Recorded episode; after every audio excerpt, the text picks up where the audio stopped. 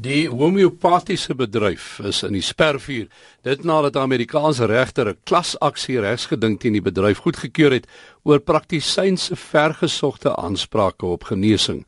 Ons praat nou met ons wetenskapkorrespondent, dis uh, George Claassen oor die hofsaak en die geskil. George Moore. Goeiemôre Kobus. Waaroor gaan die hofgeding?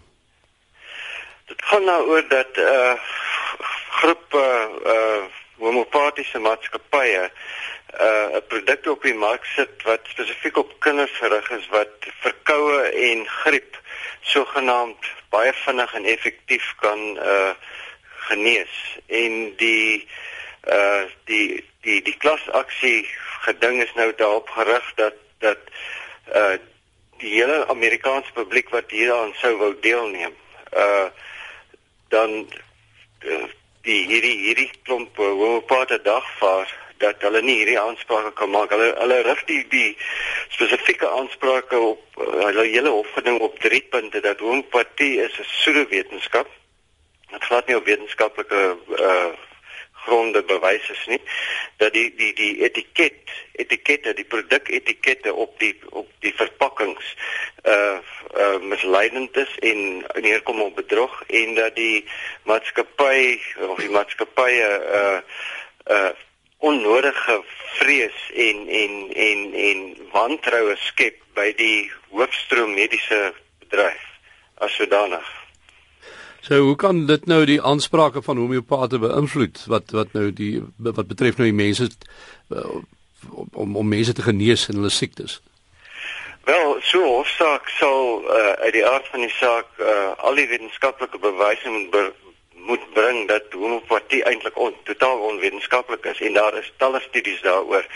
En, en mense sou dink dat tydens getuienis dat dat uh, wetensk uh, wetenskaplike kennis spesifiek na hierdie navorsingsstudies sal uh, verwys en dan sal uh, bewyse sal bring dat homeopatie eintlik maar net 'n placebo is.